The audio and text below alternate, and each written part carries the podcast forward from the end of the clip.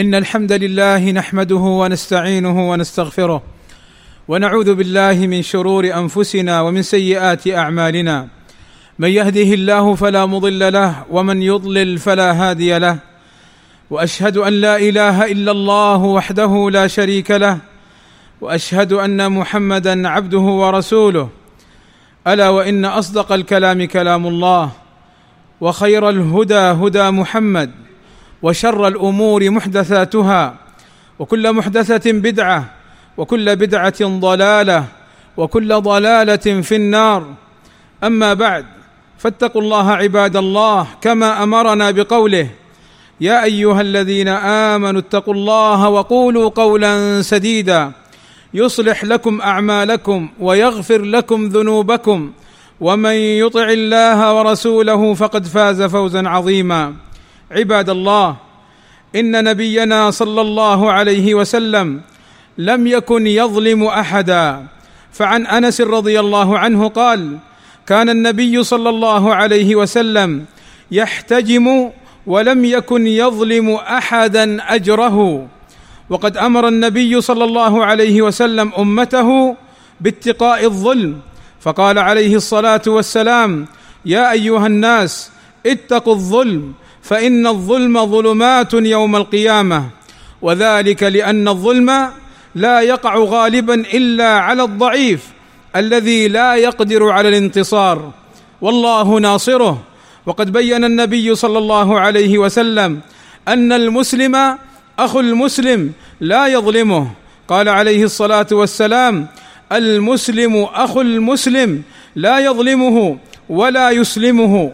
ومعنى قوله لا يسلمه أي يحميه من عدوه ولا يتركه مع من يؤذيه ولا فيما يؤذيه بل ينصره ويدفع عنه. وهذا أخص من ترك الظلم. وأمر النبي صلى الله عليه وسلم بنصرة المسلم ظالما كان أو مظلوما. وقد تعجب الصحابة رضوان الله عليهم من نصرة الظالم فبين لهم النبي صلى الله عليه وسلم كيفية نصرة الظالم. قال صلى الله عليه وسلم انصر أخاك ظالما أو مظلوما. فقال الصحابة يا رسول الله انصره إذا كان مظلوما. أفرأيت إذا كان ظالما؟ كيف أنصره؟ فقال صلى الله عليه وسلم تحجزه أو تمنعه من الظلم فإن ذلك نصره. وأمر صلى الله عليه وسلم بنصر الضعيف وعون المظلوم. ومن الأمور التي نهى عنها نبينا الكريم صلى الله عليه وسلم إعانة الظالم. وأخبر صلى الله عليه وسلم أن من أعان ظالما على ظلمه أنه قد باء بغضب وسخط الله عليه حتى يدع ظلمه. قال صلى الله عليه وسلم من أعان على خصومة بظلم أو يعين على ظلم لم يزل في سخط الله حتى ينزع أي حتى يترك ويرجع إلى الحق. وقال صلى الله عليه وسلم من أعان على خصومة بظلم فقد باء بغضب من الله. وقد تبرأ النبي صلى الله عليه وسلم ممن أعان ظالما على ظلمه. قال صلى الله عليه وسلم من أعان ظالما ليدحض بباطله حقا فقد برئت منه ذمة الله وذمة رسوله صلى الله عليه وسلم. وقد شبه النبي صلى الله عليه وسلم من أعان قومه على ظلم بالبعير الساقط في بئر يحاول النجاة بذنبه. قال صلى الله عليه وسلم مثل الذي يعين قومه على غير الحق كمثل بعير ردي أي سقط في بئر فهو ينزع منها بذنبه أي يحاول أن يمسك فلا يسقط والمعنى أنه قد وقع في الإثم وهلك. كالبعير إذا تردى إذا سقط في بئر فصار ينزع بذنبه ولا يقدر على الخلاص والنجاة. وقد نبه أهل العلم على أن الظالم والمعين له على ظلمه والمحب له سواء في الإثم. قال ميمون بن مهران الظالم والمعين على الظلم والمحب له سواء أي في الإثم. وهذا كثير ما يخطئ فيه الناس. نجد بعض الناس يعين الظالم على ظلمه فإذا قيل له اتق الله يقول هو ظلمه ليس أنا لكن أنت أعنته فأنت وإياه في الإثم سواء. وكذا نجد بعض الناس إذا ظلم بعض الناس يفرح على ظلمه ويفرح على هذه المعصية فهو مشارك له في الإثم. وقد رغب النبي صلى الله عليه وسلم وحث المظلوم على الصبر إذا ظلم وأخبره بأن الله يزيده عزا. قال صلى الله عليه وسلم ثلاثة أقسم عليهن وأحدثكم حديثا فاحفظوه. قال صلى الله عليه وسلم ما نقص مال عبد من صدقة ولا ظلم عبد مظلمة فصبر عليها. إلا زاده الله عزا. ولا فتح عبد باب مسألة أي يسأل الناس ويطلبهم وهو غير محتاج. إلا فتح الله عليه باب فقر أو كلمة نحوها. والله أسأل لي ولكم التوفيق والسداد وأن يغفر لنا الذنوب والآثام والزلات. إنه غفور سميع مجيب الدعاء. الحمد لله رب العالمين والصلاة والسلام على المبعوث رحمة للعالمين وعلى آله وصحبه أجمعين. عباد الله أمر النبي صلى الله عليه وسلم بالاستعاذة من الظلم فقال عليه الصلاة والسلام تعوذوا بالله من الفقر والقلة والذلة وأن تظلم أو تظلم. وحذر النبي صلى الله عليه وسلم من دعوة المظلوم لأنها مستجابة ليس بينها وبين الله حجاب. قال صلى الله عليه وسلم اتق دعوة المظلوم فإنها ليس بينها وبين الله حجاب. بل يستجيب الله دعوة المظلوم ولو كان كافرا.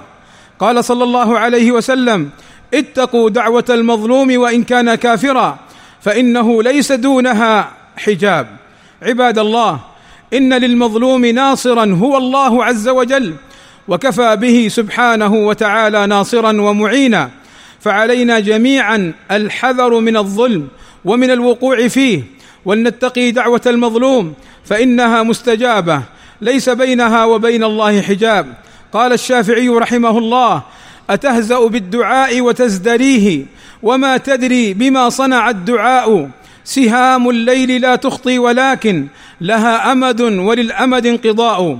وقد أخبر النبي صلى الله عليه وسلم أن حقوق العباد لا بد أن تؤدى إليهم فمن أداها في الدنيا فقد برئت ذمته ومن لم يؤديها في الدنيا تقتص منه يوم القيامة. قال صلى الله عليه وسلم لتؤدن الحقوق إلى أهلها يوم القيامة حتى يقاد حتى يقتص حتى يقاد للشاة الجلحاء أي التي لا قرن لها من الشاة القرناء. في الدنيا القرناء نطحت الشاة التي لا قرن لها. يوم القيامة تنطح الشاة الجلحاء التي لا قرن لها تنطح الشاة القرناء كما نطحتها في الدنيا. فإذا اقتص للبهائم بعضها من بعض وهي لا تعقل وليست مكلفة فما الحال بالآدميين وهم مكلفون مؤاخذون بأعمالهم؟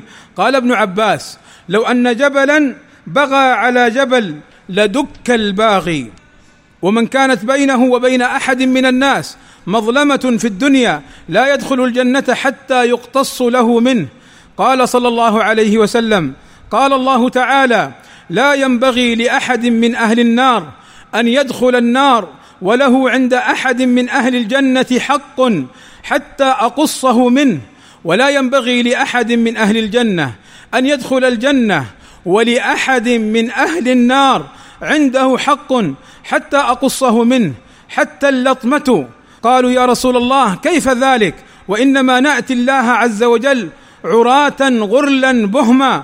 قال صلى الله عليه وسلم بالحسنات والسيئات. وأخبر النبي صلى الله عليه وسلم أن الخصومة تكرر يوم القيامة وهذا أمر شديد يدل على ما في يوم القيامة من الأهوال. فعن الزبير رضي الله عنه قال لما نزلت ثم إنكم يوم القيامة عند ربكم تختصمون.